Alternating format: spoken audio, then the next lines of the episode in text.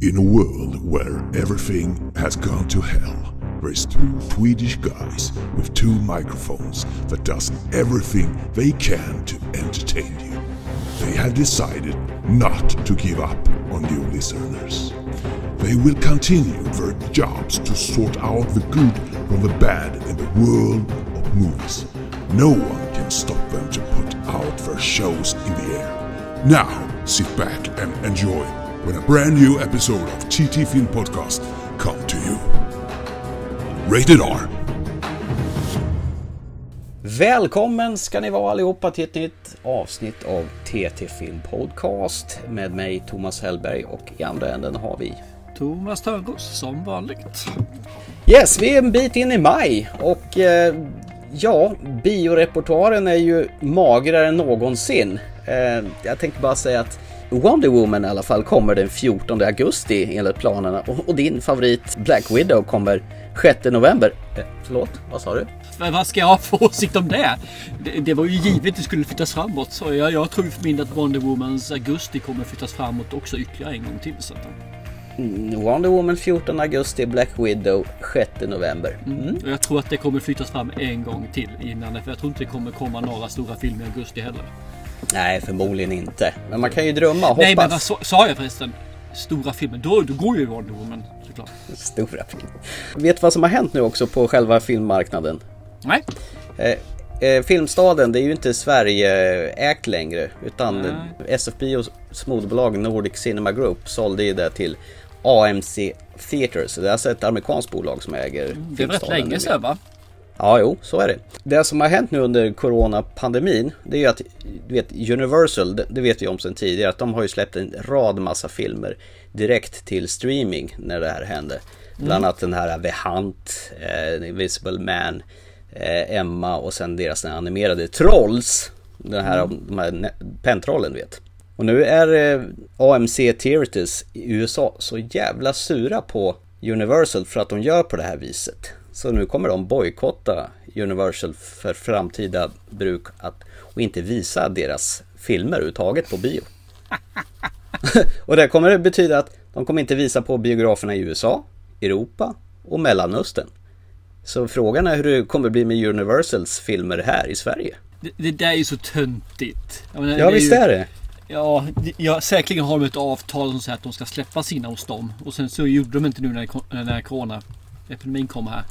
Och då blev de jättesura för de inte får ta del av intäkterna. Och det kan jag ju visserligen förstå på sätt och vis. Men det här kommer ju bara vara en övergång och sen så kommer det köra igång igen efter de har sagt ett förlåt och kommit fram till nya sätt att samarbeta. Ja, eller å andra sidan så kanske det blir någon form av förändring på marknaden. Att det kommer bli mer direkt till streaming och passera biografflödet. Jag hoppas ju inte det, men risken finns ju. Sen finns det ju andra biografer än SF. Ja, det gör de det. Men inte i Örebro. Eh, jo, det finns den här också. Det finns Roxy. Ja, ja, jo, fast det är, det är ju en smal filmsbiograf. Men de kanske tar några av de här filmerna samtidigt. Vem vet? Ja, jag tyckte det bara var en intressant fotnot att ta in så här i början innan vi ska börja om dagens ämne. Och vad är detta, Thomas Törnros? Idag kör vi en liten specialare. Vi fick ju för rätt länge sedan en, en liten förfrågan eller en idé egentligen från en av våra lyssnare som tyckte att kan ni inte prata om regissörer? Vad ni tycker favoritregissörer och lite sådana saker vad som de är inne på för er. Och vi gör väl en, eh, en tweak på det får man säga. Kanske inte helt och hållet det som personen var ute efter men eh, i alla fall så nära så det går för att se få oss in i ett avsnitt. Så ska vi prata om alla regissörer, ah, då får det bli ett fyra avsnitts avsnitt. Ja, då kan vi hålla på en vecka eller någonting sånt. Så vi har tajtat till lite grann och uh, kör. Vi, vi kan väl ta lite senare vad, hur, vi har tänkt oss upplägget. En regissör, han gör ju egentligen så här att ordet regi det kommer från latinets rego. Det betyder ungefär styra eller leda. Så egentligen vad en regissör gör, han leder ju hela produktionen. Han ansvarar för att tolka manuset, för att instruera skådespelare tillsammans med han som fotar och bestämmer kamerans placering. Han eh, bestämmer arbetet på inspelningsplatsen också. Och så lyder han under producent, filmbolag och behöver ibland ta hänsyn till filmens budget. Ibland. Det beror väl på. I, i, på många filmer så finns det också produktionsledare och inspelningsledare. och regiassistenter som ska underlätta som tar de bitarna istället för. Så att Jo kan... visst, men han kommer ju fortfarande vara ansvarig för den och ta hänsyn till det. För han kan ju inte köra sitt race. Han måste ju alltid ha budgeten. Eh, Men det framförallt som jag är mest intresserad av det är ju på inspelningsplatsen vad han gör.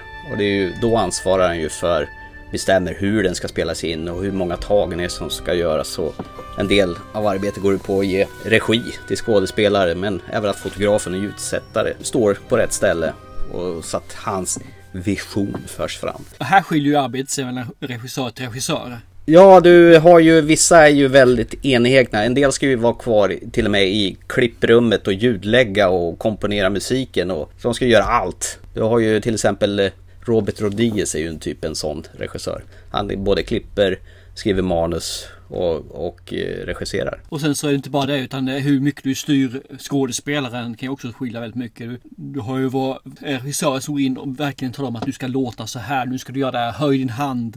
Eh, tänk på tonfallet. Nej, säg så här istället. Medan som Clintan har liksom Kör. Ja men det är bra. Nu tar vi nästa. En del är ju skitbetiga. Ja, de, han låter ju mer skådespelaren själv tolka och föra vidare förmedla. Jag tror att en regissör ska låta skådespelaren ha så fria tyglar som det bara går. Det här med att ha en vision exakt hur saker och ting ska bli till. Det, då är det en person som kör sitt race och jag tror att det är sämre än att det är flera som eh, bygger, bygger filmen och för den framåt. Jag tror det är alltid bättre när fler gör det. Du har ju ett par som är så här riktiga sådana här inrotade. Det är ju bland annat James Cameron och sen Ridley Scott. De har jag hört ska vara helt hopplösa att jobba med och det ska ta tagningar på tagningar på tagningar. Bara för att det ska bli exakt rätt. För de ska få maximalt att välja bland de här dailiesen som brukar göra. Alltså dagliga tagningarna som man sitter och kikar på vilken man använder som till den slutgiltiga filmen. Och sen kan det ju bli så att regissören är inte nöjd med slutproduktionen och då blir det en så kallad Directors Cut eller Final Cut som de skaffar rättigheter. Och du har ju till exempel Blade Runner som finns i, vad är det, fem, sex olika versioner av filmen. Någonting sånt. Och jag anser fortfarande att den första är den bästa av dem. Med voiceover, utan voiceover. Ett slut, ett annat slut. Sen- kan man ju ta de här, det vi har diskuterat tidigare, som eh, när regissören själv är en skådespelare. Och vi säger då att det är svårt att få det objektivt, att få det här att förse hur, hur det ska bli. För du kan ju, har ju svårt att säga till dig själv att göra på det här viset istället. Därför tror jag det är, oftast är bättre om eh, regissören är regissör och inte skådespelare. Sen att han sätter ljudsätt och klipper och sådana saker. Men fine, det, eh, det, det kan jag köpa liksom. Det- Just regissera den som ska agera, det tror jag är svårt. Sen så tror jag att du ska, det är svårt att vara duktig på allt. Så jag tror att de här som håller på och klipper, regisserar, ljudsätter är tre stycken professioner som nog ska hålla sig på, till sin lott. Oftast i alla fall. Å andra sidan är det väl sådana som kanske vill lära sig hela filmmediet. Kanske initialt i sina första produktioner, sen de blir större, då släpper de det till andra. För, för, å andra sidan så har du ju sådana som Kenneth Bragana. Han älskar ju att stå framför kameran, regissera sig själv och i princip skriva manus till det han gör. Det fungerar ibland tror jag liksom, men just det här att skriva ett manus, producera, regissera och vad heter klippa, ljudsätta och även vara skådespelare. Någonstans måste man ju dra gränsen. Är det du som är one man show eller är det liksom någonting du vill ha fram? Tittar man på det om man skulle se det här som gör musik. Jag menar, kan du spela musikinstrument och sjunga? Ja, men då gör du oftast det. Du håller inte på liksom en- in i rummet och finlirar på de här sakerna. Du lär dig hur det går till och vad som kan göras. Men du blir ju inte professionell på det också. För man kan ju inte vara professionell och bäst på allt. Så gör en sak tror jag, eller ett, ett fåtal saker i alla fall. Men eh, vi har valt ut tre regissörer var för att inte programmet ska bli 18 timmar långt. Regissörer som har väl påverkat oss genom, ja, sen vi började se på film och Ja, på något sätt ska de stå ut i alla fall. Om det är så att de står ut för att man tycker att deras film är horribelt bra eller att de gjort eller någonting som påverkat att man var yngre på det viset. Jag tycker vi kan förklara varför vi har valt de, de olika regissörerna och hur det, hur det gör att de hamnar på listan. Och jag har väl hört en fågel som kvittrar att du inte har rangordnat de här utan eh, du kör dem som en klump. Jag kände det när jag satte ihop de här listorna. Ja, det är helt omöjligt för mig att rangordna dem för de är så olika på olika sätt hur de gör film på. Så att jag bara tänker, jag, jag plockar en efter en och försöker förklara varför jag tycker de här är bra. Okej. Jag har försökt faktiskt att rangordna dem till ett- och försöka och motivera varför de sitter på vilken plats. Sen om jag lyckas är en annan sak, men jag kan i alla fall försöka. Prova kan man alltid göra. Så. Ja. Vill du börja kanske? Ja, det kan jag göra. Absolut. Då börjar jag med den som jag har satt som tredje plats här bara för att eh, göra det lite spännande. Och det ska bli jättespännande att se om vi har någon överlapp på de här tre. Ja, absolut. För min tredje plats som jag satte, det är faktiskt eh, herr Tarantino.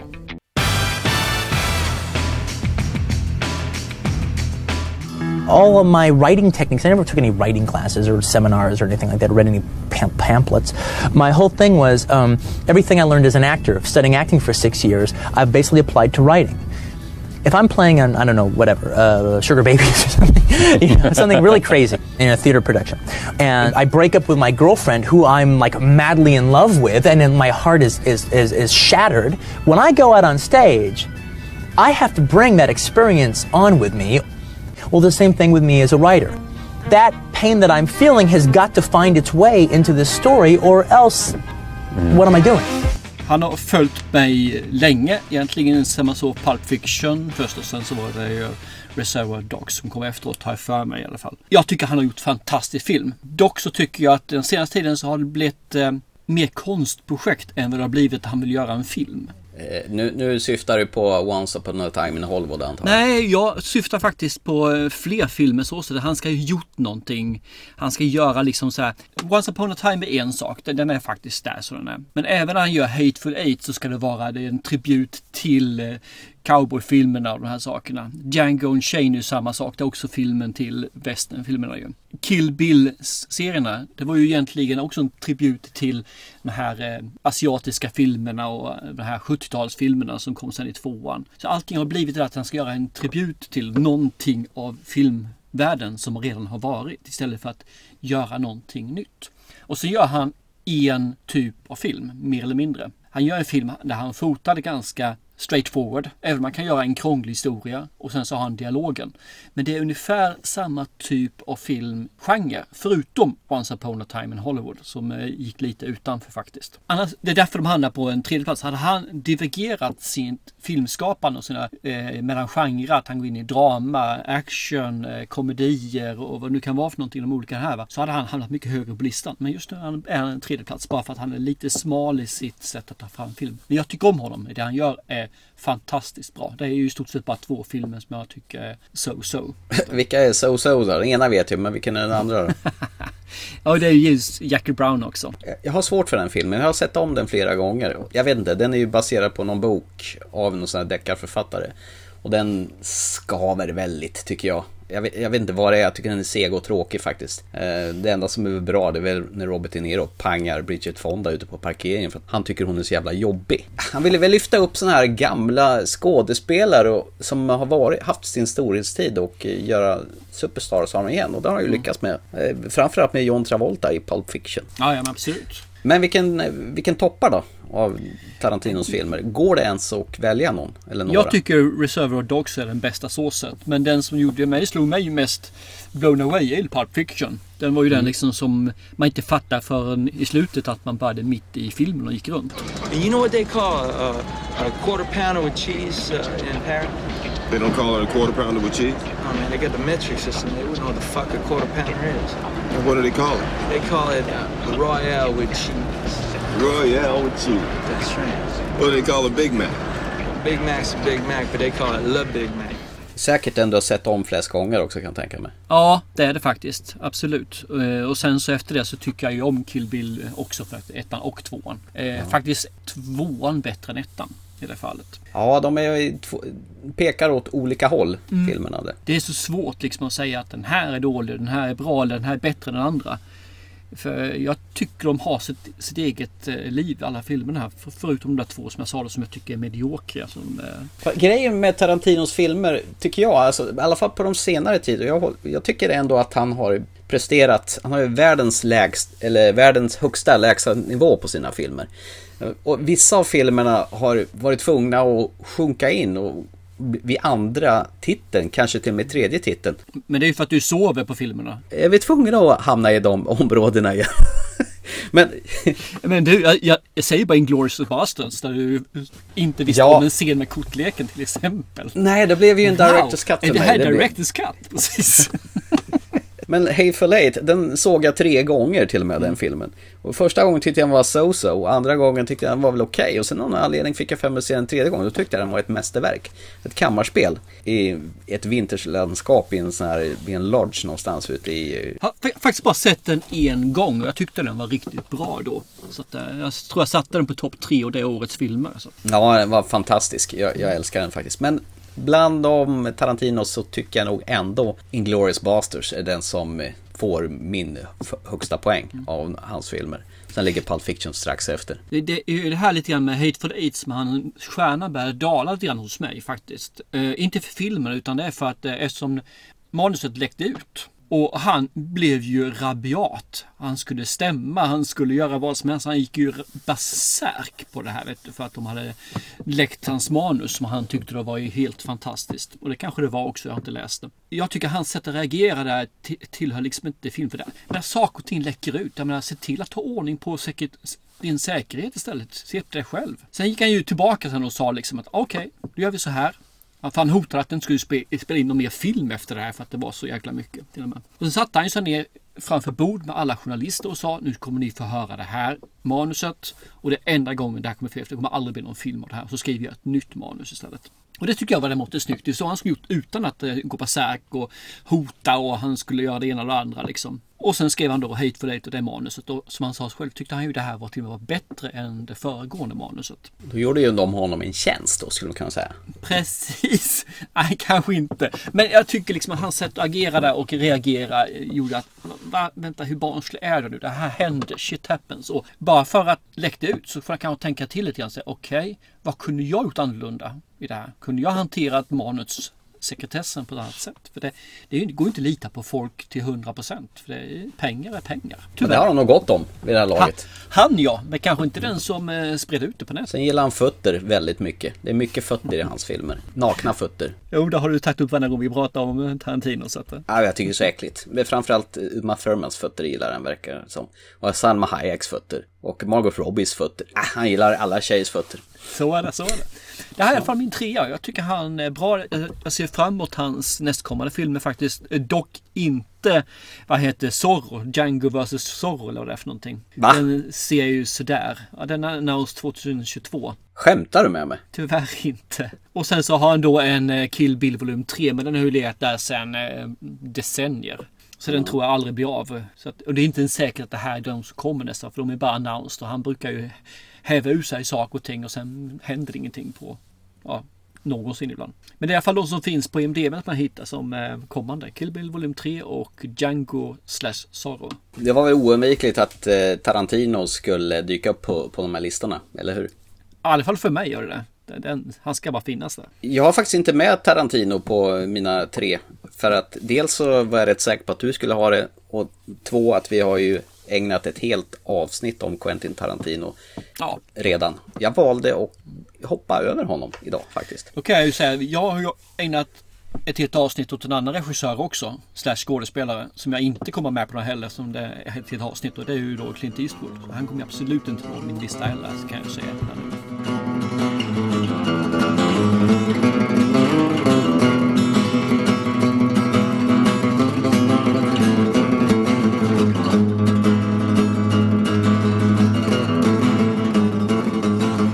Då är det min tur då, kanske.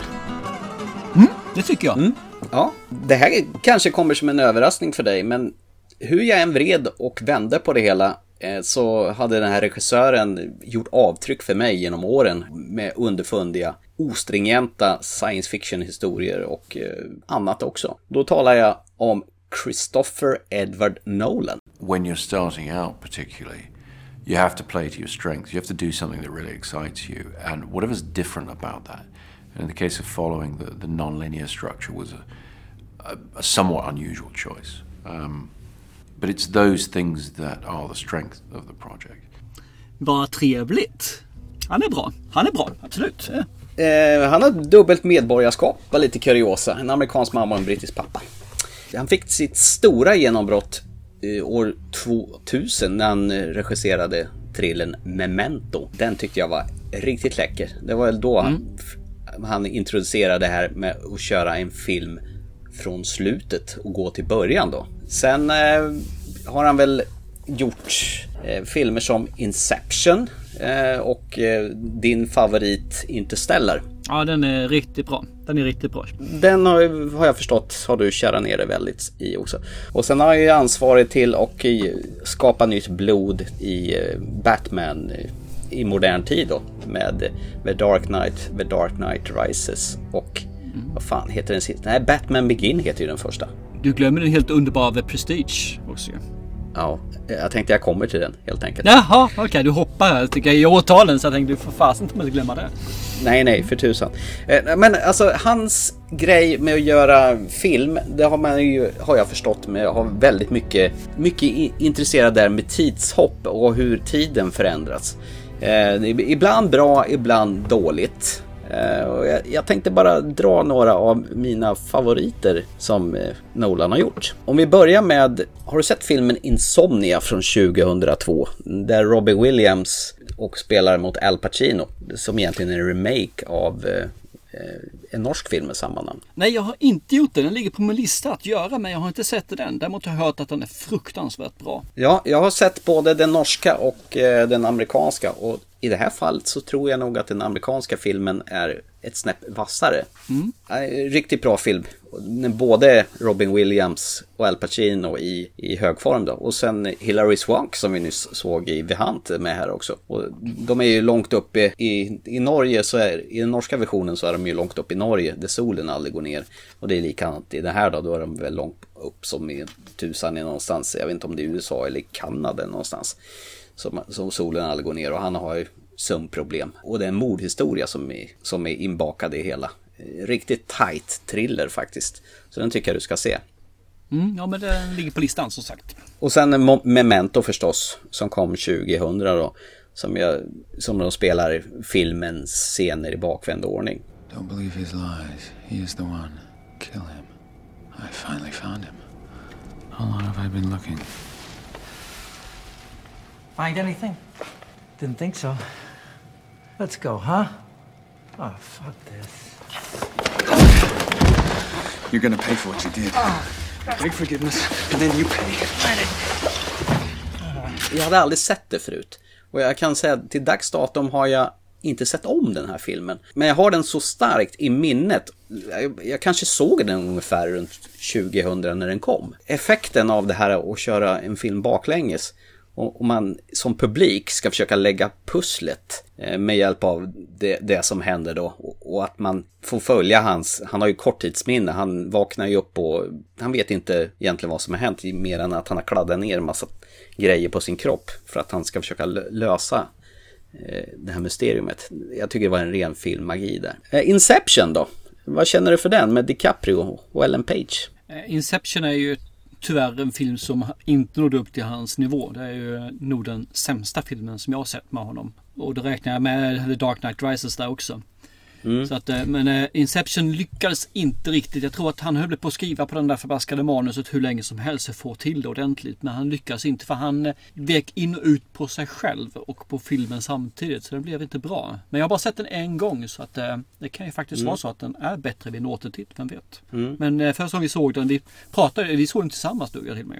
Ja, och båda två var ju rörande överens om att den här var väl inget vidare.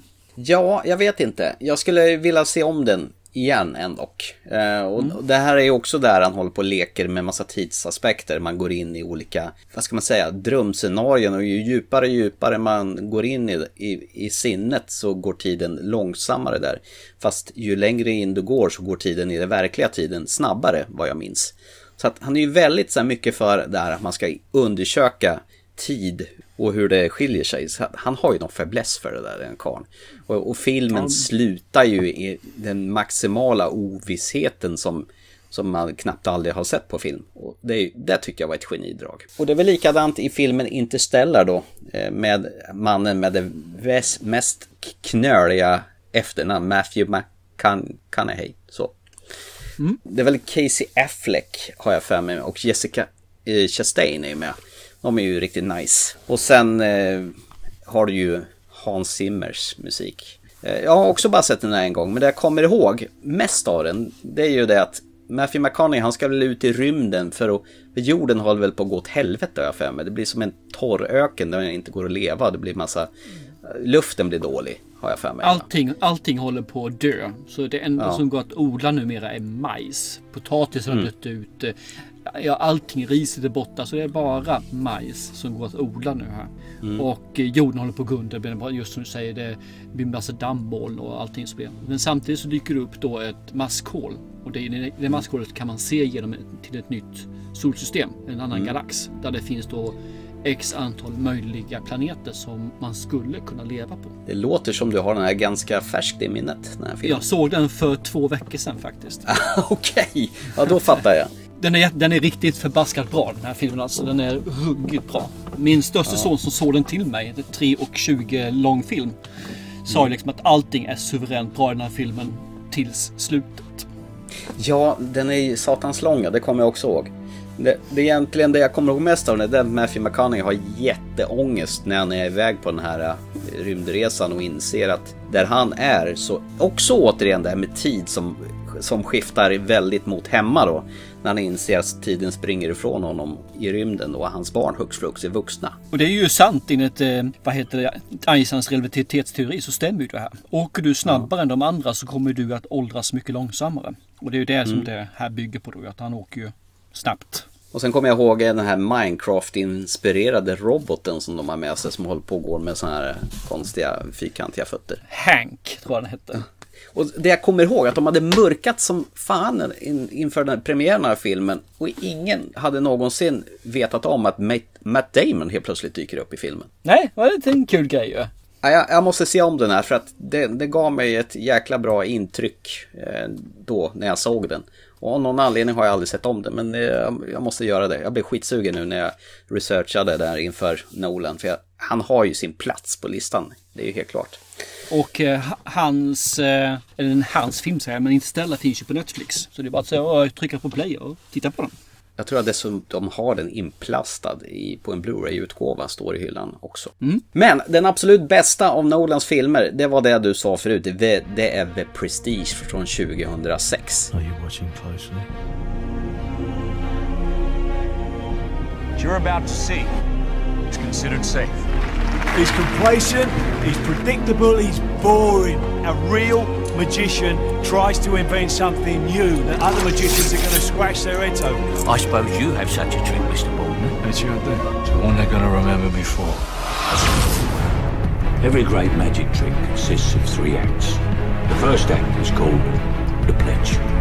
The magician shows you something ordinary, but of course, it probably isn't. The second act is called the turn. Magician makes this ordinary something do something extraordinary. There's a third act called the prestige.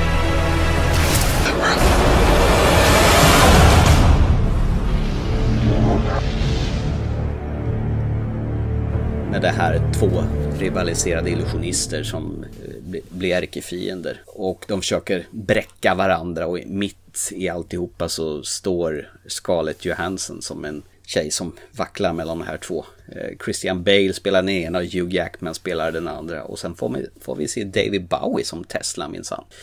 Ja, Den här filmen har fått mig, jag har sett den tre gånger och den har fått mig tappa hakan tre gånger.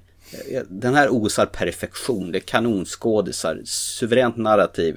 Man har ingen aning om hur det ska gå överhuvudtaget. Det är ett perfekt magitrick, den här filmen. Den här filmen har jag bara sett en gång. Sen ska jag nog se om själv också vid tillfälle. Ja, riktigt bra. Och sen det som har genomsyrat också Nolans filmer, det är ju samarbetet med eh, Hans Zimmer. Han verkar ju vara Mm. Nolans huskompositör genom tiderna. Jag tror det är ganska lätt hänt att det blir så för att du, du pratar samma språk och ni får den här eh, hur saker och ting ska upplevas. Och jag tror att det är jättelätt Mm. att man eh, skaffar sig det. Och det är fler som har på det viset också vet jag. Att man har en som gör klippningen som hela tiden återkommer. För då vet man hur man tänker på vad man la fram för någonting.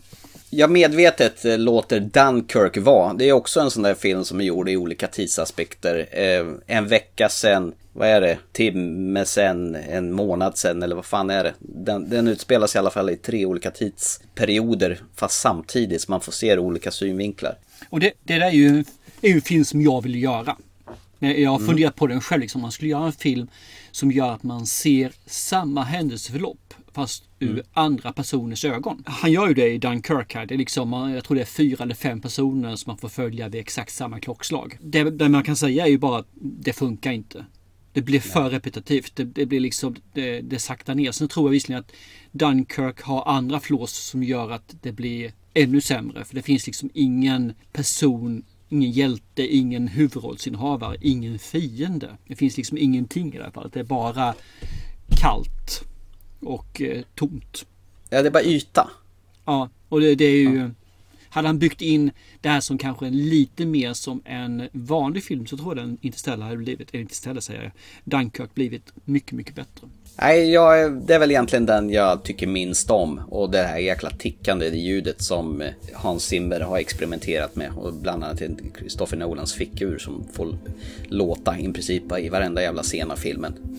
Och ett sånt här stegrande ljud som egentligen inte stegras utan det är bara en ljudillusion vad jag har förstått.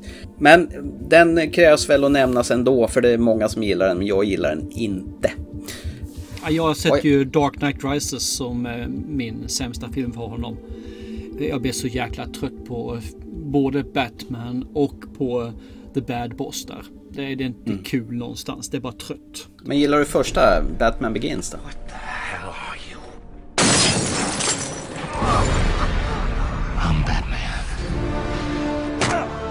Ja, den tycker jag är bra. Det är en ny tändning. Det är, han gör verkligen Batman till någonting eh, som han ska vara. Lite mörkare, lite fräscht får man väl säga. Den andra var ju också rätt bra. The Dark Knight, den som eh, Head Ledger spelade Joker i och fick en Oscars postum då, efter han hade dött. Den är ju inte helt fel heller, men det är som du säger, The Dark Knight Rises. Det kändes bara som att nu har all luft gått ur han. Jag är trött på det här, men jag hade, de hade gjort en trefilmsdeal som var tvungen att slutföra det, men energin och skaparglädjen var ju banboll i den tredje filmen. Det han skulle gjort i det fallet där. Det hade gått rätt många år i alla fall. Fyra år hade det gått emellan Dark Knight och eh, Dark Knight Rises. Men han skulle kanske väntat ett par år till innan han gjorde den. Alltså, och då hade det kanske kunnat gå bra. Men då gick det klart inte få ihop det med skådespelarna. Jag tror också det som du säger att han var trött på det. Han ville inte mer nu. Han bara gjorde det. Nej. Men jag tycker i alla fall att Christopher Nolan förtjänar platsen på ja, att prata om regissörer här för att han har gjort ett riktigt avtryck här. Eh, Jag tycker han är bra. Så jag ser- ser fram emot den här nya Tenet som eh, är på gång som envis står fast med att den ska komma i juli. Det är ju frågan. Den lär väl också bli framflyttad. Där eh. Denzel Washingtons son från eh, Black Clansman spelar huvudrollen. Det ska bli intressant. För vet du vad den här handlar om Tenet? Jag har sett Nej. några trailers men jag fattar inte ett smack vad som egentligen eh, vad, vad det är för film. Nej, det är återigen med tid som eh, tidsresor i det här fallet. Så att det är det jag säger, han är ju tidofil, Christopher Nolan. Allting har med tid att göra i hans filmer. Nej, jag kan ju gissa på att det är någon sån här eh, detektivhistoria som sträcker sig i olika tidsperioder när man kan resa i tiden. Nej, jag tror det är ganska luddigt. Det är nog väldigt lite som är känt om eh, eh, Tenet. Men det gör ingenting. Det kan vara rätt så kul att gå in med ett blankt papper. Det känns ju bara bra att Christopher Nolan står för regin så brukar det ju bli bra. Så vi får väl se.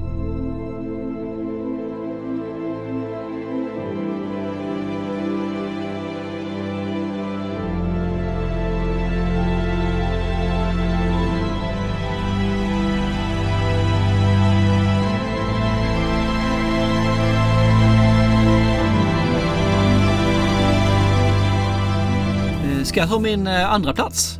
Gör så. Eh, andra platsen för mig är egentligen för min uppväxt kan man väl säga. Han har gjort två av eh, de bästa filmerna som någonsin gjorts. Oj, det är stora ord. In, inte ettan och tvåan utan det är av de bästa filmerna. Alltså jag, jag säger inte att han... Säg att han ligger kanske inom topp 10, topp 20 någonstans ligger de här två filmerna åtminstone. Och de ligger högt upp. Eh, det man får säga att han, sen har han gjort en hel del olika sorters filmer. Han har gjort saker som kanske folk tycker är skitbra. Jag tycker nej. Men ändå så har han ju varit hela tiden där. Eh, sista åren så får man säga att han kanske har varit lite mer improduktiv och inte gör de filmer som jag tycker man ska göra så att man ska göra det. Men låt det vara. Och den filmskapare som jag snackar om här nu då är Ridley Scott faktiskt. The hardest single thing to do as a filmmaker is to choose your subject. What are you going to do? A bit like being a painter. What are you going to paint? And when you first begin, there's a million options, and because in one tends to go in circles, what am I going to make this film about? As you get more experienced or get more, yeah, older, uh, your choices become more focused. So right now, this time, I only have about four things really in process, in development, that are fundamentally written and are being polished. So off that, I don't have a list of 40 or 50 subjects.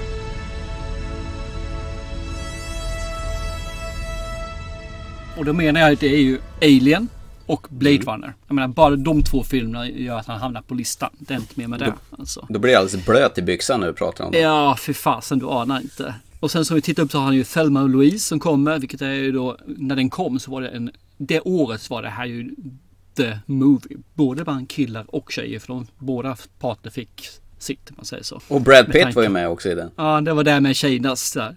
Det var väl hans första film va? Eh, jag tror det faktiskt. I alla fall en av- när han fick en eh, lite, lite större roll. Mm. Och på, det har han gått in då. Ena är ju en rysare med Alien.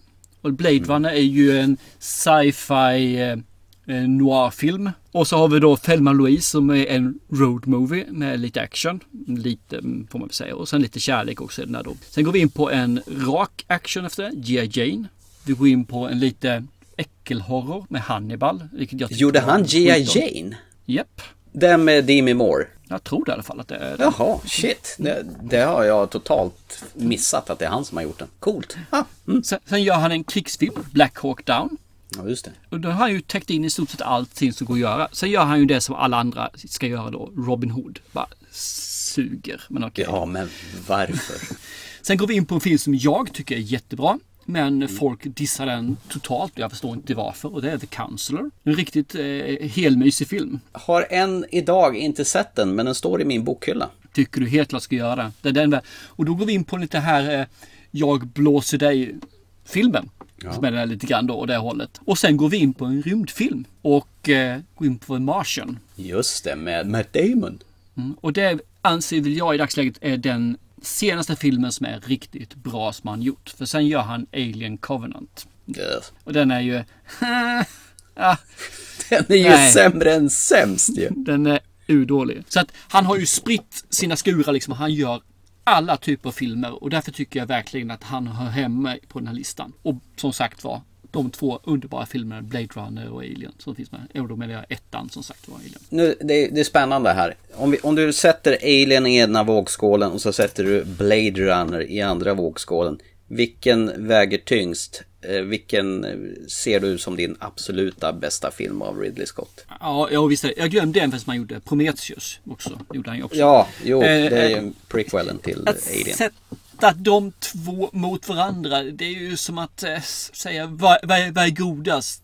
Juice eller glass? Ja, det beror på vad man gillar. Ja, är du varm så är glass kanske gott och är du törstig så är juicen trevligare, helt klart alltså. Ja. Nej, jag vet inte. Jag, om vi säger så här då, den, den som filmen som jag har sett flest gånger så är det ju Blade Runner. Mm. Den filmen som jag kan se idag och tycka har mest behållning av är ju Alien.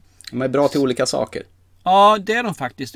Jag har inte sett eh, Blade Runner, ska jag erkänna, sen vi fick filmen här nu senast. Det. Eh, Den var ju tyvärr fel utgåva, så det var lite synd ju.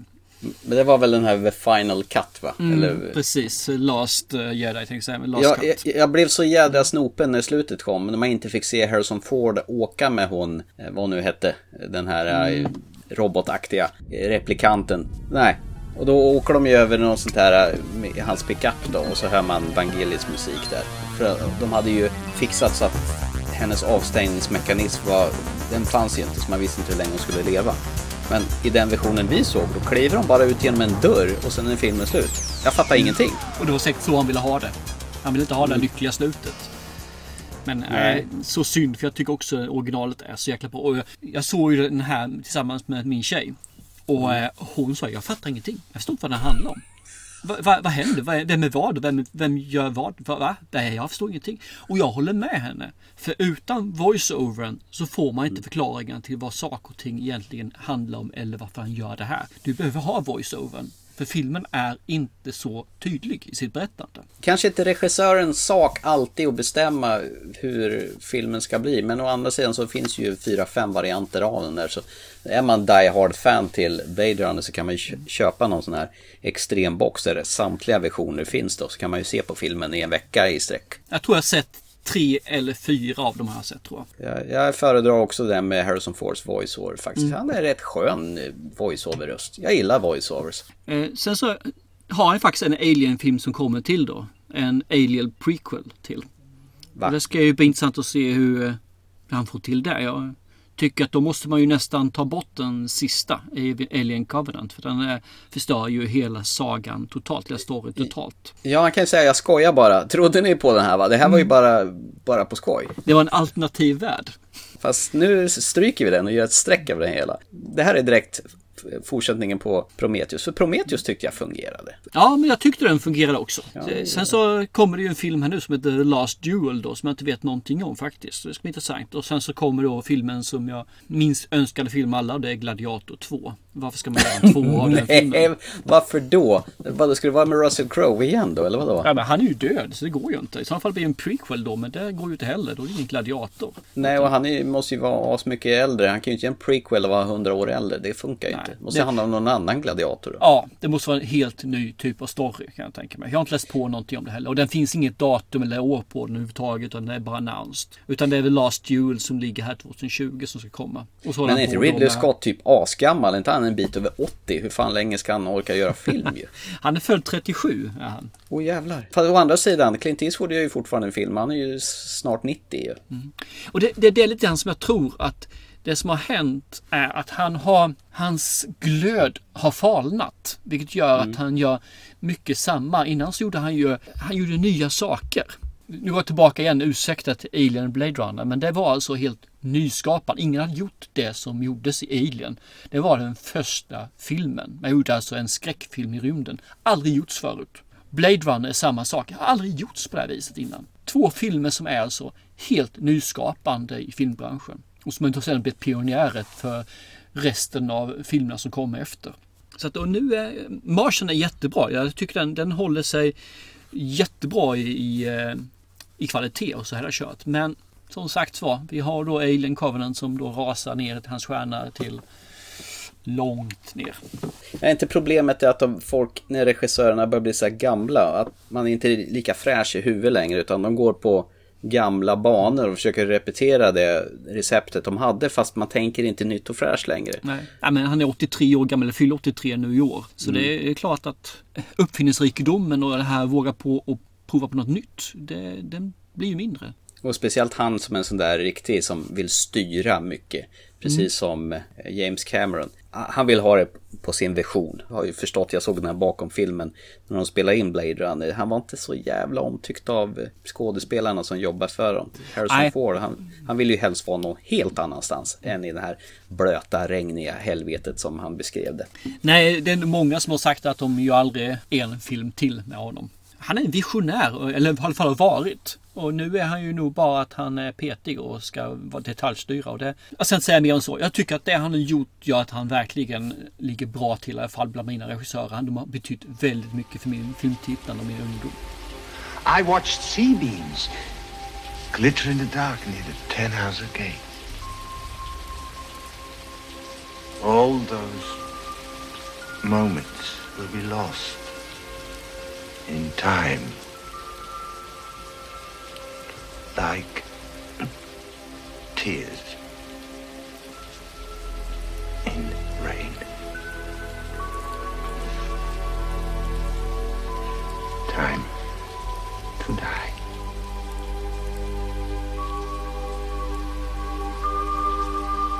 Då går vi in på min andra då, i utan inbördes ordning då. Det här är ju en re- regissör som egentligen har funnits med mig så länge jag har levat. Eh, sedan min farsa släpade hem VHS-spelaren och jag med stora ögon såg ett äventyr som bara fortsatte och nya äventyr och det var så häftigt. Jag vet Eh. vilken det är. Jag vet vilken regissör det är. Ja, okej, gissa då. Gissa då. Ja, jag gissar på Steven Spielberg. Ja, det är klart det är Steven Spielberg och det vore ju jättekonstigt att inte ha med honom här.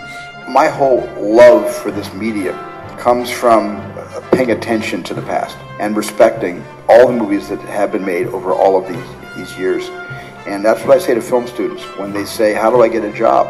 And I say, Well, it's easy to get a job if you write, because if they buy your script, buy enough of your scripts, you can insist on directing them, or you can just take your, your device and go out and make a little movie. Anybody can do that today.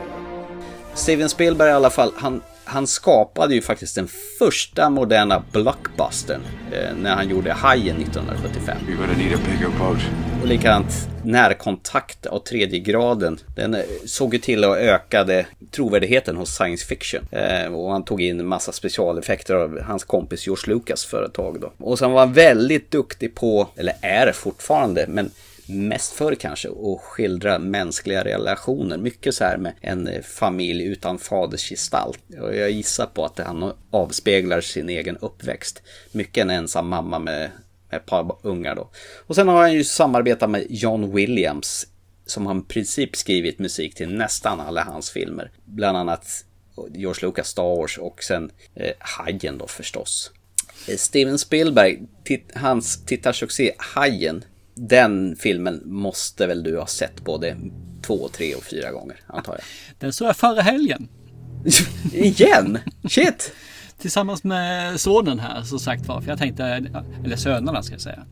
Ja. De kunde inte komma fram till en film så då tar vi Hajen. Den finns på Netflix också för, för övrigt här. Vi är inte sponsrade av Netflix men det finns mycket film där. Jag tycker nog att film, jag har också sett den ett x antal gånger och jag längtar faktiskt på att jag ska börja kunna få visa den för Isak som är min lillson som är fruktansvärt filmintresserad. Han såg ju The Meg men den är ju i och för sig gjort på lite mer lekfullt sätt och han har en fäbless för high-filmer har jag insett. Det som är kul med den här är för effekterna håller än idag. Faktiskt. Ja, och vet, vet du varför? Det är ju väldigt sparsamt använt av specialeffekter i filmen. Och, det har han väl eh, tack vare att Haifan funkar ju inte från början. Nej, den var sönder väldigt ofta så den var ju. Så det, det, värsta är ju, som vi har pratat om tidigare, att det läskigaste är ju det man inte kan se. Det, det är mycket som dagens skräckfilmsregissörer har skitsvårt att fatta. Ja, men det är för att de kan. Det är det som är saken. Man kan visa upp. Men Ta Alien igen om vi säger så. Ja. Enda gången man ser Alien i helfigur är ju Mm. i slutscenen. När hon skjuter iväg den från det här, eh, vad heter det, lilla skeppet då ju. Så är det väl. Den står väl i, i någon mörkt hörn också, har jag för mig. Inte hela, det är bara då man får se hela figuren på den. Annars får man Ah. bara se delar av den. Men hajen var ju en sån där mackapär som de hade i jordens problem att få flytande. Så att det är väl därför, i början där när hon far runt i, Ja. i vattnet fram och Inte tillbaka. bara det, den läckte ju. Första gången de la i den i vattnet så läckte den så den gick ju sönder bara för det.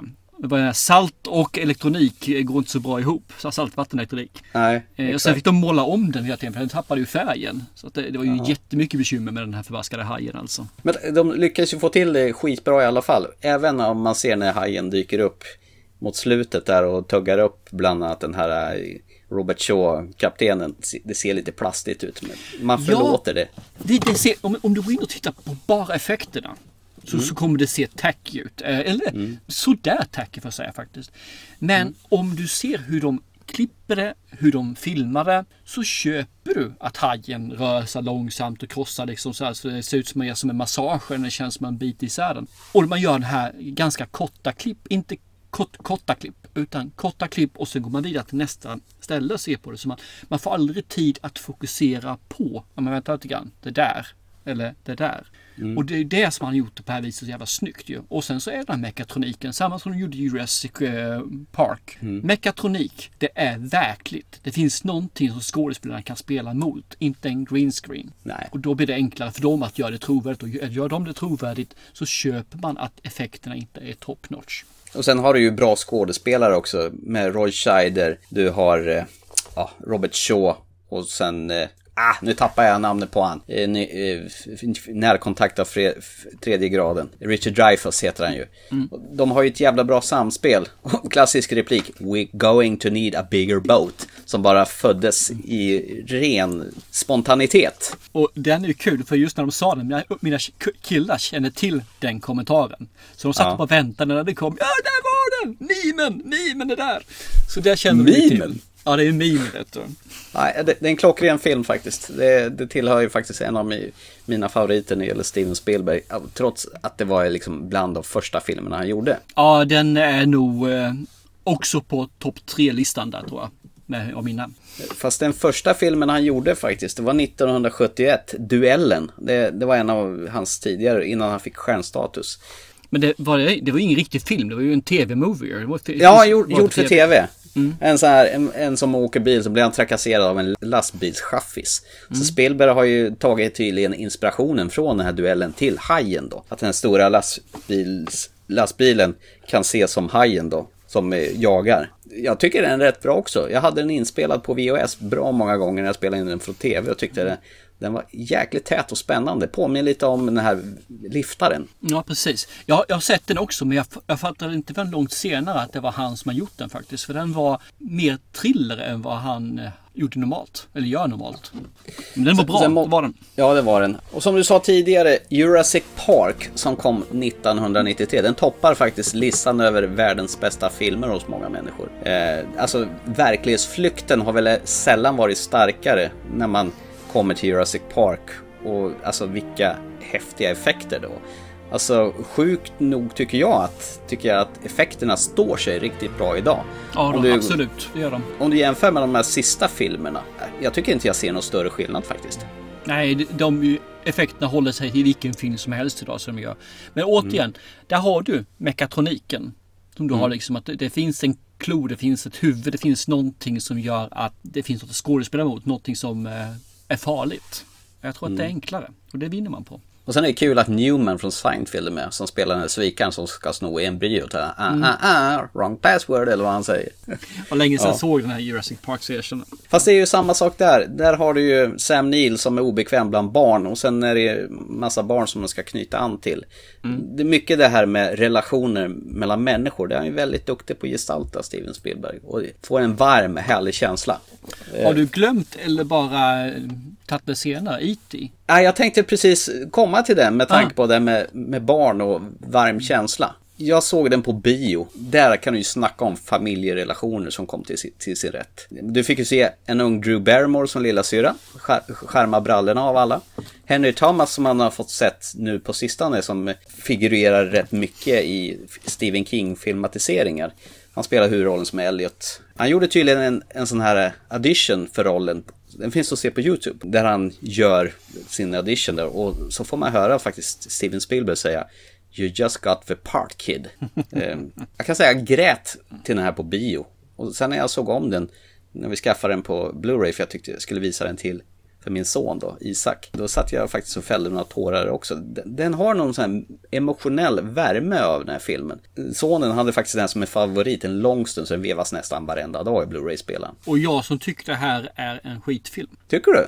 Ja, jag tycker den är riktigt dålig faktiskt. När jag såg den, den kom på bio så det var säkert 82-83 den kom till eh, våran håla. Säkert 83, för den släpptes 82 i USA. Någonstans mm. där. Och eh, alla gick därifrån tyckte den var jättebra. Framförallt tjejerna älskar den här filmen, liksom den här lilla IT. Och jag tyckte bara, fasen vad töntigt.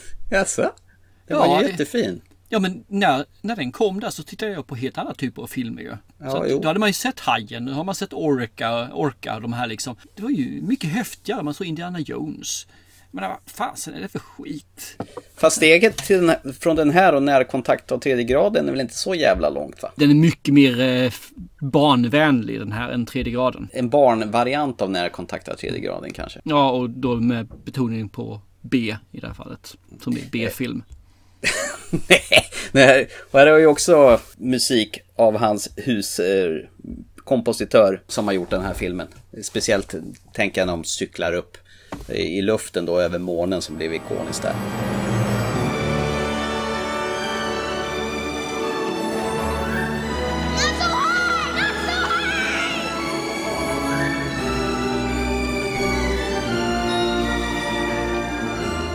Du har en, en liten kul grej. Du har en ung Erika Elniak i den här filmen. Du vet, mm. tjejen som... Eh, Hoppar ut håtan? Som Elliot kysser. Han får ställa sig på en stol för att pussa, pussa henne då. Mm. Det är väl hon som hoppar ut håtan i under belägring? Ja, precis. Ja. Och sen blev, hon var, har dessutom varit Playboy-modell och har haft en central roll i Baywatch. Dessutom. ville bara få in Erika Eleniak här.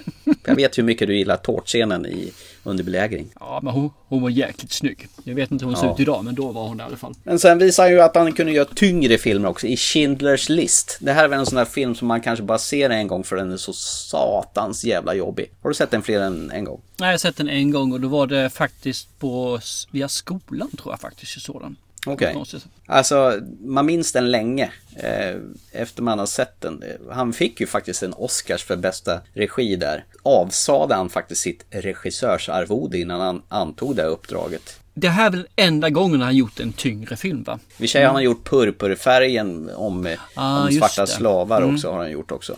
Men stämningen var skitdämpad under inspelningen på grund av temat. Vet du vad han gjorde för att liva upp det lite grann då? Nej. Han ringde sin goda kompis Robin Williams för att dra skämt för att lätta upp humöret bakom kameran. Okej. Nej, Och det, den är ju helt svartvit här. Och eh, det är väl Liam Neeson som spelar huvudrollen där. Och det enda som är i färg, det är väl någon liten tjej som går runt i en röd kappa har jag för mig. Ja, jag har för mig det också. Jag vet ärligt talat om jag vill se om den här filmen. Eh, Jag tyckte den var asjobbig att se. Den var så jäkla verklighetsnära den här. Ja, nej, jag vet inte. Den tar emot att se, men jag tror nog att vi borde nog göra det. Någon som får slåss med hajen då, det är ju faktiskt jakten på den försvunna skatten som den hette när, när jag såg den. Eller Mm. Raiders of a Lost Ark, eller som det numera heter, Indiana Jones and the Raiders of a Lost Ark från 1981. Eh, Alltså första gången man får se Indiana Jones. Det, jag tycker det är en härlig stycke filmhistoria som George Lucas mejslade fram fast han skulle heta Indiana Smith från början. Mm. Det är nog den film som jag sett flest gånger och har visat den flest gånger för mina söner också. Och den tåls om och se om. Ja, det gör den absolut. I alla fall de första tre gör det. Alltså klassiskt matinéäventyr där bara actionscener avlöser varandra. Det, blir, det är liksom inte en död stund från början till slut. Rullande klot, äckliga ormar. En, och sen har vi en febersjuk Harrison Ford. Du vet när han är i Kairo, som är egentligen Tunisien. Då var de ju magsjuka hela bunten då. Och han hade hög feber. Och då står det en sån här svärdsvingare liksom och, och ska ställa sig i vägen för honom. Tar han bara upp en pistol och skjuter honom innan han hinner blinka. Det var ju på grund av att han var riktigt jävla feber och inte orkar göra scenen på ett annorlunda sätt. För den skulle göras på något annat vis. De har ju den scenen igen i tvåan. Vilket han då inte har en pistol i hölstret. Och det är rätt kul för den filmen utspelar sig egentligen före ettan. Ja, vad fel det blir då. Ja, det blir det lite grann. Men ja, ja, vad kul Ja. det är med. Så man kan ju kasta in Indiana Jones Last Crusade och Temple of Doom här också. Som, som tillhör själva konceptet. Men vi kan ju glömma den fjärde delen. Den är så satans dålig.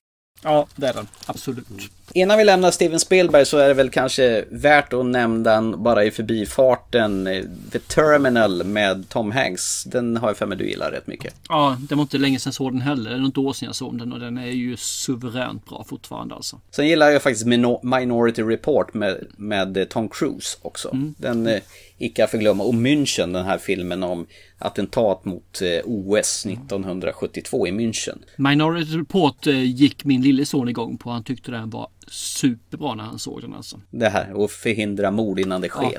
Jag inte så förtjust i Rädda Mini Ryan faktiskt. Ja, det, det tycker jag faktiskt. Det är jättemånga som hyllar den, men den tillhör enligt mig en av Spielbergs svagaste filmer. Vad säger du? Ja, inte någonting för mig heller. Jag tycker den eh, storyn är löjligt. Och första, scen, första scenen där som är ju massaker tyckte jag bara var eh, för mycket. Jag kände bara att nej, nej. Och sen har jag faktiskt en liten fäbless för den här Tintin, animerade filmen Enhörningens hemlighet som man gjorde tillsammans med Peter Jackson. Som de gjort mest en sån här motion capture på riktiga skådespelare, så den ser ju assnygg ut. Där Andy Serkins spelar Captain Haddock och Jamie Bell spelar Tintin. Nej, alltså jag kan se om den här filmen bara hänryckas. Jag, jag har ju uppväxt och älskat Tintin sen jag var liten så att det här var ju mums. Och jag, jag längtar efter och det står ju fortfarande att de ska göra en Solens tempel tillsammans med Peter Jackson. Men vi får väl se om det blir av helt enkelt. Nej men jag håller med. En, han är en riktigt stor regissör som eh, verkligen eh, förtjänar att nämnas. Men han finns inte med på min lista. Vad vad intressant hörru du. ja, nej men det är en sån här barndomsgrej som har vuxit, som har funnits med hela livet och eh, det kommer lite fler filmer vad jag förstår. Eh, och jag var inne och tittade lite grann. Bland annat Indiana Jones 5 som han nu ska bara producera. Och, eh, jag såg att det skulle vara en ny inspelning på purpurfärgen. Jag fattar inte varför. Plus eh, lite andra filmer. Men vi, den som lever får se vad som kommer då.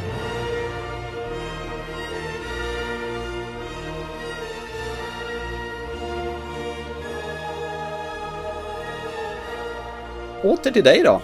Vad eh, har du då på din numero uno då? Den tar jag efter att du har tagit din sista. Jaså? Ja, Okej. jag tänkte vi skulle ha det som jag har rangordnat min så ska vi ha den sista ettan, den bästa av alla regissörer till sist. Så det blir lite en trumvirvel och sådana saker. Du, du har ju bara kluddat ihop din som en.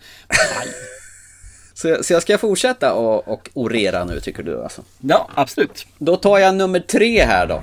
Och det här ska bli spännande att se om eh, vi har en överlappning där.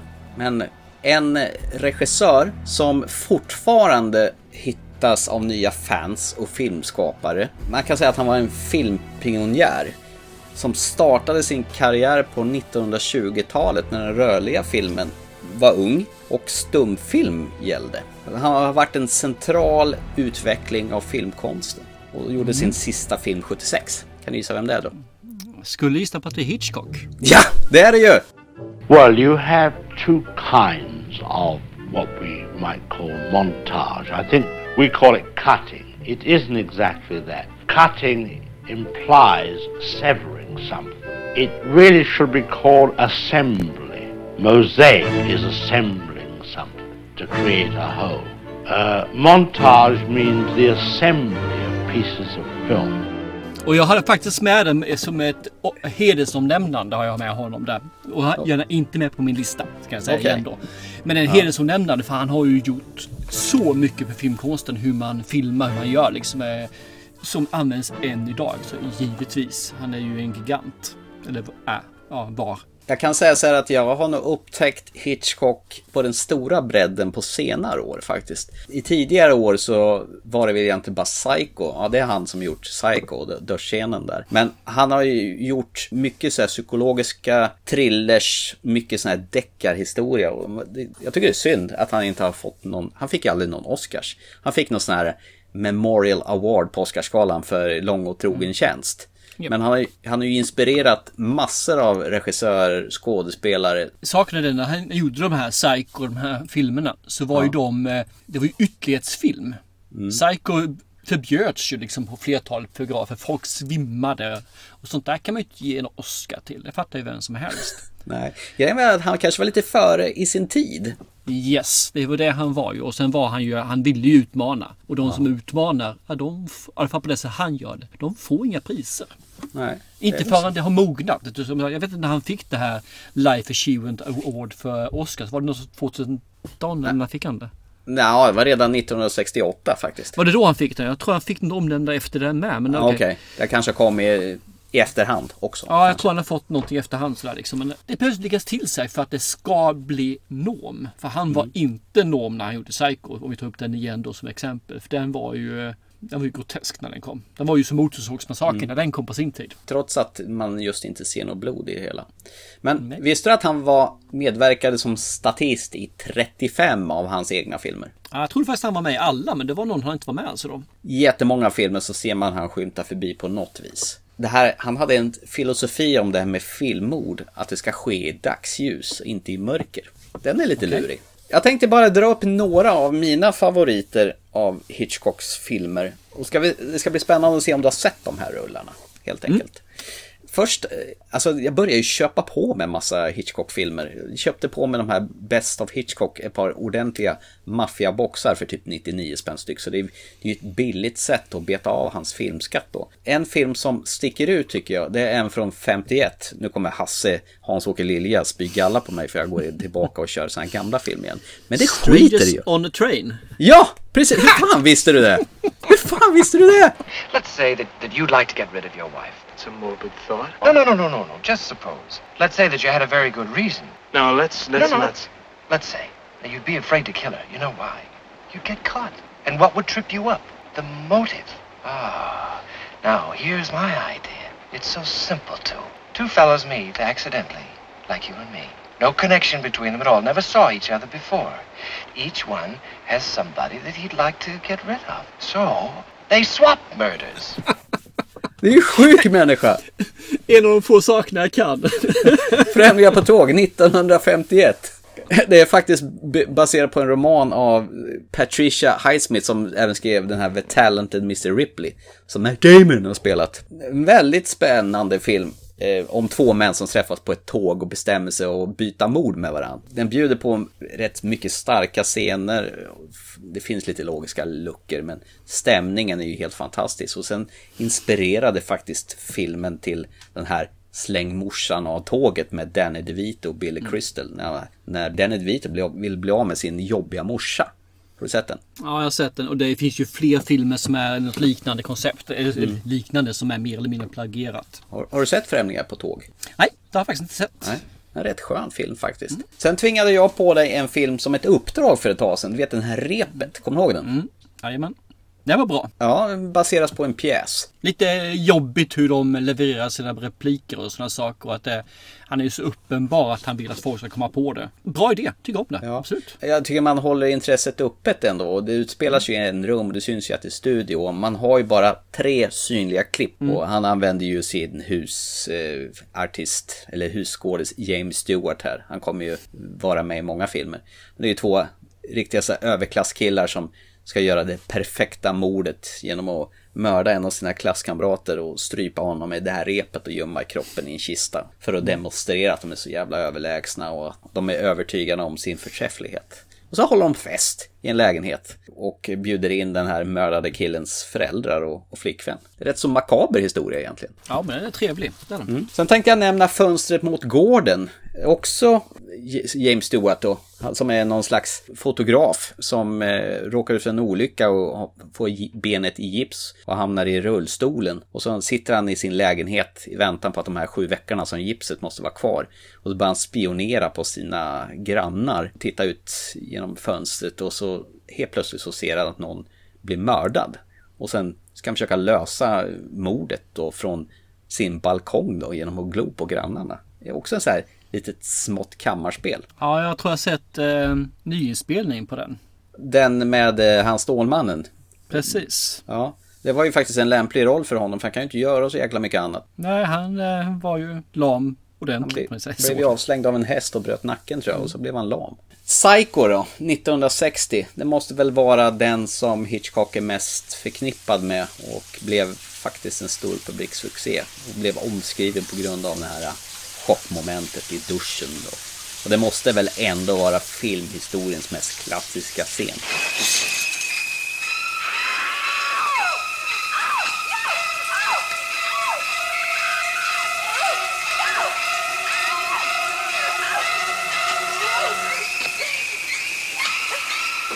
Alla som har, hör ordfilmen Psycho kan väl referera till duschscenen. Där det är chokladsås istället för blod. Ja, och det funkar ju alldeles utmärkt när filmen är ändå svartvitt. Precis. Och Psychot, Anthony Perkins, spelar ju faktiskt riktigt bra av den här Bernard Herrmans musik som Hitchcock först inte ville ha det.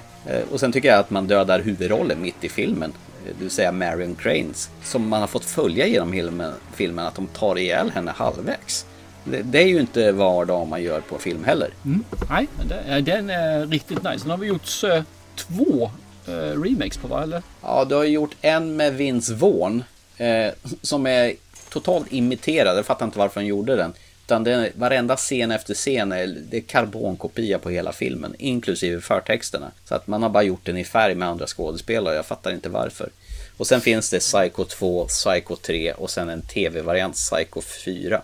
Plus någon sån här Norman Bates Hotel Sold. Och sen har det genererat en tv-serie som finns på Netflix som heter Bates Motel bara. Som handlar om den Mm. unga Norman Bates också. Som jag faktiskt inte Exakt. sett en meter om. Och sen tänkte jag bara nämna en av mina absoluta favoriter som på svenska heter I sista minuten eller på original North by Northwest från 1959 med Cary Grant. Har du sett den?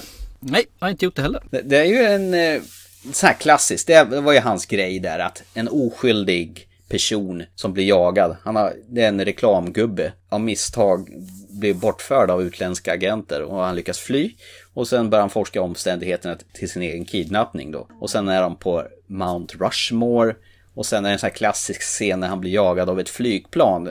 Det kanske du har sett på omslaget eller någonting eller sett någon kort sekvens att han får kasta sig på marken så kommer ett sån där flygplan och flyger över honom. Den scenen stal de ju rakt upp och ner till James Bond i den här From Russia With Love när James Bond springer på ett fält då, fast istället är det en helikopter som jagar honom. Ja, okej, okej. Ja. Ja. Så att eh, det, den tycker jag tillhör nog en av Hitchcock absolut bästa filmer faktiskt. Sen har han gjort massor med fler, men det, det var några av mina favoriter faktiskt. Har jag missat någon som du tycker bör nämnas här?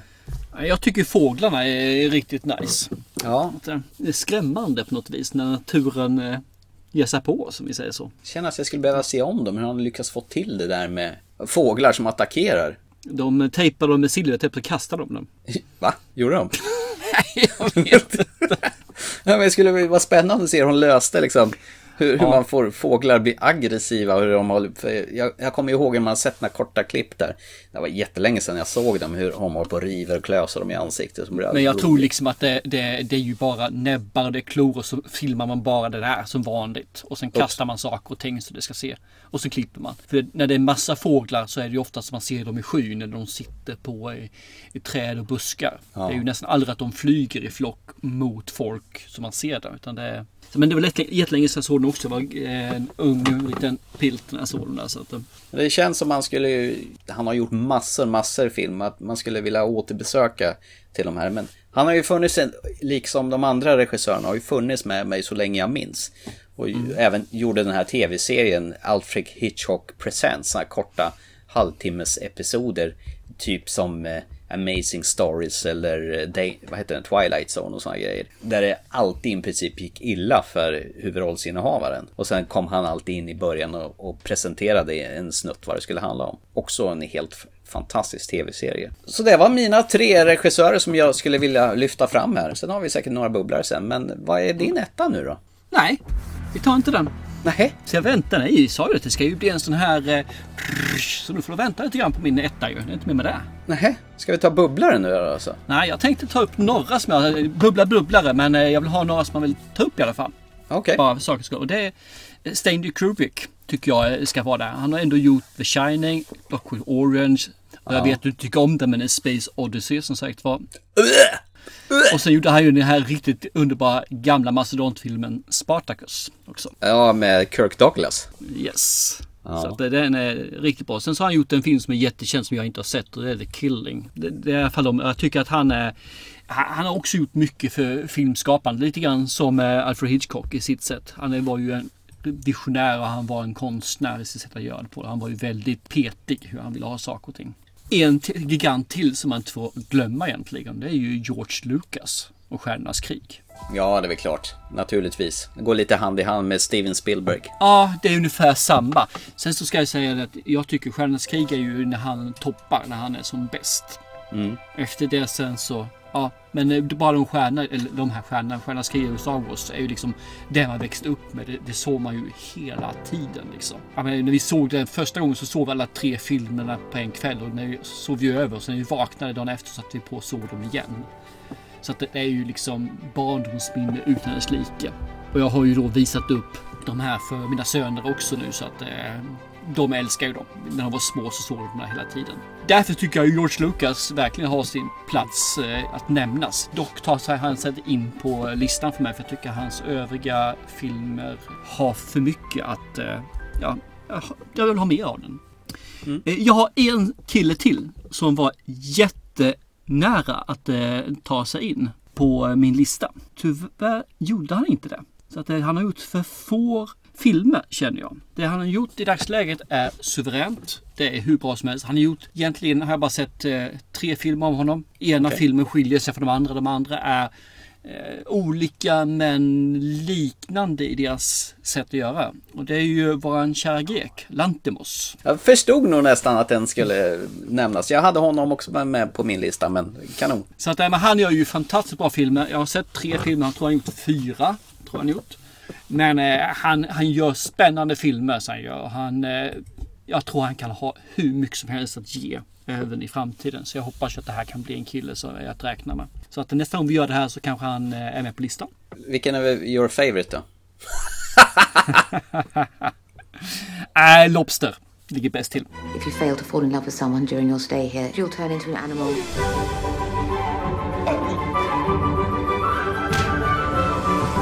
Have you thought of what animal you'd like to be? Yes, a lobster. A lobster is an excellent choice. Den är ju det. Med den här konstiga, helt off skådespelet. Jajamän. Killing of a Sacred Deer är ju också väldigt, väldigt bra alltså. Fast det är ungefär, det är inte samma film men upplägget hur folk agerar är ungefär samma. The Favourite som du säger här, det är ju en helt annan, det är ju kostymdrama med lite humor med våran kära Emma Stone. Ja, härligt. Underbart. Men det är absolut, de, är- de är bra alla tre filmerna. Mer bubblare från dig då? Ja, jag har ett par stycken också faktiskt. Jag vill lyfta Martin McDonagh. Och vem är det då, tänker du då? Men om du kommer ihåg filmen In Bruges, den här filmen från 2008, där Brendan Gleeson och eh, Colin Farrell är någon slags eh, lönnmördare. De är i lilla staden, den belgiska staden In Bruges. Och de går runt och tittar på konst och grejer, fast de är egentligen där för att knäppa en person då. Inte bara en person utan en av Ja, jag kan inte säga- avslöja, mer än så. Men ja, mm, kör. jag tänkte spoila Men- filmen. Det får du inte göra. Men visst, visst är den jävligt skön. Och samspelet mellan Brendan Gleeson och Colin Farrell, det är ju helt fantastiskt den där. Ja, absolut en riktigt rungande bra film. Det är Mm. den. Sen gjorde han ju Seven Psychopaths också, som du tipsade mig att jag skulle titta på. Också en helt Ja. fantastisk film. Där, där de går ut på att kidnappa hundar. Christopher Walken är en av de här psykopaterna. Då. Och nu senast som man gjorde den här Free Billboards Outside Ebbing, Missouri. Också en helt fantastisk film. Ja, ruggigt bra film. Usch ja. Hade du några fler bubblare? Nej, inte någon som jag behöver nämna känner jag egentligen. här. Det finns massor bubblar, det finns ju massor av folk med, eller regissörer som man skulle vilja nämna. Men nej, ingen som jag känner att jag måste. Då har jag bara en då som jag vill nämna innan vi går till din superhemliga etta här då. Mm. Eh, Det är faktiskt Alex Garland. Eh, Och vad gjorde han då? Jo, han gjorde ju den här stiliserade filmen Ex Machina. Hello. How do you feel about her? Oh man, she's amazing. Now, how does she feel about you? Did you design Ava's face based on my pornography profile? If I did, would that be cheating? Are you attracted to me? Do you think about me when we aren't together? Does Ava actually like you? Or was she pretending to like you? Ex Machina, rated R. Den här science fiction-filmen från 2015. Det var hans debutfilm också. Och där är ju en annan Gleason med, Domhnall Gleason, alltså sonen, och Alicia Vikander och Oscar Isaac. Och det här är egentligen ett kammarspel i ett glashus någonstans som de hittade i Norge då. Där det handlar om en programmerare som blir inbjuden av sin arbetsgivare eh, för att utföra ett avancerat sånt här Turing-test på en Android som har ett AI. Det var väl en Du ska visa att det är ett riktigt AI så det är inte bara programmerat AI. Det var väl en mummarulle. Den satte vi båda två som det är årets bästa film. Och sen hans andra film 2018 då, Annihilation, som var baserad på Jeff Verdandermers science fiction novell som Mm. eh, hade samma namn då. En slags psykologisk skräckfilm där man får följa en grupp kvinnliga vetenskapsmän som går in i sån här skimrande kupol då, avskild från militären och där det är muterade planter och, och djur. Som, och går man in där så kommer man aldrig tillbaka. Och det, det tyckte jag nästan att det året var bland de bästa filmerna någonsin. Det året. Som de bara släppte, som Paramount Pictures hade en kort vända på bio, sen slängde de ut det på Netflix bara där för att de insåg att det här kommer floppa, tyckte de. Men jag tyckte att filmen var fantastisk. Det är en riktigt bra film också. Eh, det är det, absolut. Lite annorlunda film. Och det får mig osökt att tänka på den här tv-serien som precis har landat på HBO Nordic då, som heter Devs. Mm. Jag har precis sett klart den. Det är en science fiction thriller som är en miniserie som är bara åtta delar där man får följa också en dataprogrammerare som jobbar på ett företag som heter Amaya. Men när den, när den kommer sen och släpps på eh, Blu-ray, DVD, så tycker jag vi tar med den och pratar lite mer detaljerat om den. För den vill jag också se. Så att, eh, säg inte för mycket om den just nu så tar vi den vid ett senare avsnitt. Absolut. Jag vill bara påstå att gillar du eller ville bara tala om att gillar du x machina så är det här right up your alley. Det är alltså samma känsla på sättet skådespelarna framförs. Och det är lite off så att säga. Mm. Den här fångar mig från första bildrutan. Nej, jag, vi behöver inte gå in så mycket på det. Vi återkommer till det när, när den finns tillgänglig på Blu-ray och DVD då. Men jag kan bara säga att det här är årets hittills bästa tv-serie. Nice, härligt. Det har satt ribban ganska hårt. Och som sagt, gillar du Ex Machina så kommer du älska Devs. Det är som en åtta timmars lång film. Eh, så att han, han tåls att lyftas fram. För han gör filmen på ett speciellt sätt. Och det här är en nykomling som jag hoppas att få se mer av framöver. För det här är en, har blivit en favorit för mig. Fråga, har du sett upp Ex Machina mer än den gången eh, du såg den? Nej, jag har inte det. Men jag har den inplastad på Blu-ray. Står i hyllan också. Har du märkt att du återkommer till säger jag har den inplastad. Jag har den inplastad. Alltid. Det vill säga att du bara tittar på filmerna. Du ser inte på filmerna. Grejen är väl att den dagen jag blir sugen på serien igen så har jag den nära till hands. För det är inte säkert på att de fin- filmerna finns kvar på streamingtjänsterna. För man vet ju att de har en begränsad brintid faktiskt. Ex Machina gick faktiskt på tv för ett, eh, bara någon vecka sedan. Jaha, okej. Så, så då tittade jag på den och den är ruggigt bra fortfarande. Fantastiskt ruggigt bra. Den står sig för en omtitt med andra ord. Ja, det är lätt. I alla fall för mig. Gör den det. Nu är ju superspännande. Nu måste vi väl ändå komma fram till din etta va? Du har ju liksom gått som katt kring het gröt och verkligen dröjt och vrändit och vridit på det här och få mig, alltså, alltså cliffhangern är ju fantastisk. Jag håller, jag, vet, jag kan inte sitta still, jag är helt darrig. Absolut. Ja men eh, nu tar vi den här alltså. Absolut. Och vi kan ju börja med att den här regissören har ju gjort rätt så brett. Han har gjort krigsfilmer. Han har gjort eh, kostymdraman. Han har gjort action. Han har gjort lite draman. Han har gjort mer eller mindre allt utom komedi egentligen. Det har han inte gjort. Det finns, roliga segment i hans film men ingen utlovad komedi. Men han har alltså en bastant lista tycker jag och alla filmer han har gjort mer eller mindre har legat riktigt bra. Det är två filmer som då är inte så vidare hyfsade men resten är jättebra alltså. Nu vill jag ha en trumvirvel.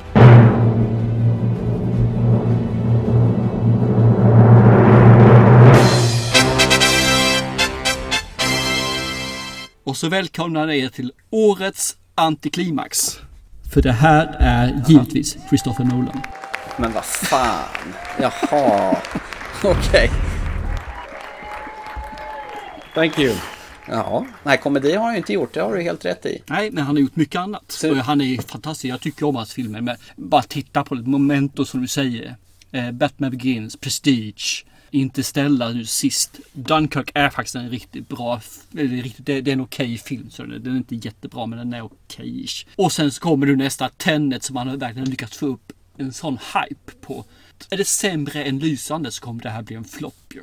Så jag ser verkligen fram emot detta. Det här är en gudabenådad regissör. Jag tycker verkligen om honom. Jag förstod inte att du höll honom så högt faktiskt. För när vi har pratat lite fram och tillbaka. Då är det väl, ja, det är väl, det är väl den här äh, rymdfilmen med McConaughey som du verkar tycka om. Resten bara, uh, uh. ja, Prestige möjligtvis också. Nej då. Och eh, i och för sig Memento. då.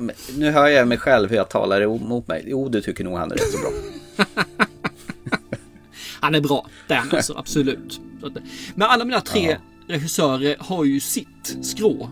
Och det går liksom inte egentligen att sätta de här mot inbördes eh, mätning, känner jag egentligen. Jag har fått hitta på olika sätt att tweaka skalan på det. Och Jag tycker att han gör, han har den bredaste och han har egentligen den som håller filmmässigt. Eh, Ridley Scott tycker jag har jättebra filmer men han gör sådana dunderklavertamp till film också. Vilket gör att han inte kan ligga på första plats. Och då kommer givetvis Nolan där. Eller Ja. Chris som brukar jag kalla när jag pratar med honom. Du gör det ja, okej.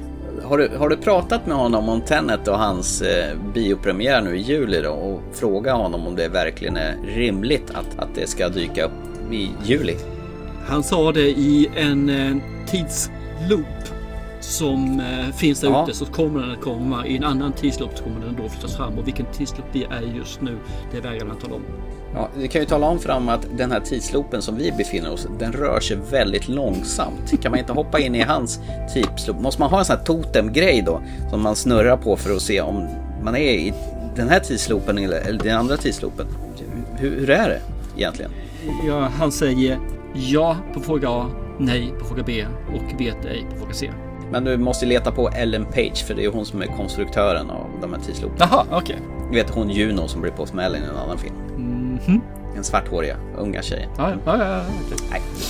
Tidsaspekt, det är ju liksom ledordet genom alla hans filmer i alla fall. Det kan vi väl komma ja, Oftast i alla fall. Den största tidofilen i eh, regissörsstolen. Förutom när man säger då eh, Batman Begins, The Prestige, Dark Knight, Dark Knight Rises. Där är ju inte, Insomnia är ju inte heller det. Jo men det är det väl. Batman Begins, det börjar någonstans. Det, det, är tid för att börja. Eh, Insomnia, det är tid för att gå och lägga sig. Eller aldrig somna. Du får aldrig någon tid att somna. Vad sa du mer? The Dark Knight Rises. Ja precis. Det tar en lite tid att resa på sig. Och The Dark Knight då? Ja men han måste ju ta på sig slängkappan och den mörka kappan. Och det tar ju tid det också. Fan vad allting tar tid. Ja, ja, ja men absolut. Jag, jag, jag, jag är helt hänförd över din logik. Nej men vad roligt att, eh, att Christopher Nolan fick vara med två gånger ja, på vi fick våra listor. en överlappning av de här tre mm. stycken.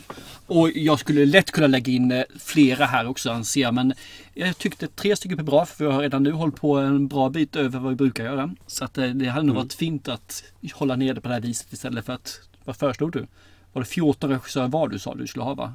Ja, någonting ja. sånt ja. Och då hade vi fått göra typ en en, tripp, eller en fyrdelars variant om detta. Men det här får bli lite mera komprimerat om man nu kan kalla det så. Och vi tackar givetvis personen som kom med den här eh, idén. Jag kommer kontakt, ta kontakt med dig och så får du eh, några filmer också för det. För det har vi sagt, kommer ni med förslag så kommer vi att ge filmer. Även om det tar tid. Som i det här fallet har det tagit drygt ett år tror jag. Tack Thomas, jag ser fram emot att få lite filmer skickat till mig. Bullshit att det är Nej, det... Du menar att jag snor, säger att det är jag som kom på idén? Alltid alltså, gör du det. Med det ska vi runda av för ikväll då kanske? Det tycker jag absolut. Vi finns ju numera på Spotify. Ni får jättegärna gå in och prenumerera där så att lyssnarskaran växer där. Den gör ju det för varje dag. Men det är kul om du, just du också gör det. Och tala om för dina polare. Åh, TT Film Podcast finns på Spotify. Om ni inte vill lyssna på de andra ställena. Vi finns ju förstås på Acast och Apple Podcaster också. Plus diverse andra podcastställen. Det är bara att söka på TT Filmpodcast. Eller Filmpodcast för all del. Så hittar ni oss överst på Google. Så att det är lätt att ramla in någonstans och lyssna på våra stämmor. Sprid ordet, det är väl det vi vill säga. Till eh, folk som kan vara intresserade av film. Eller bara ta en lugn stund med två stycken eh, gubbar som eh, tycker film är kul. Och sen till nästa gång då, så se en bra film för det tänker vi förstås göra. Chip chip. Ha det gott! Hej då!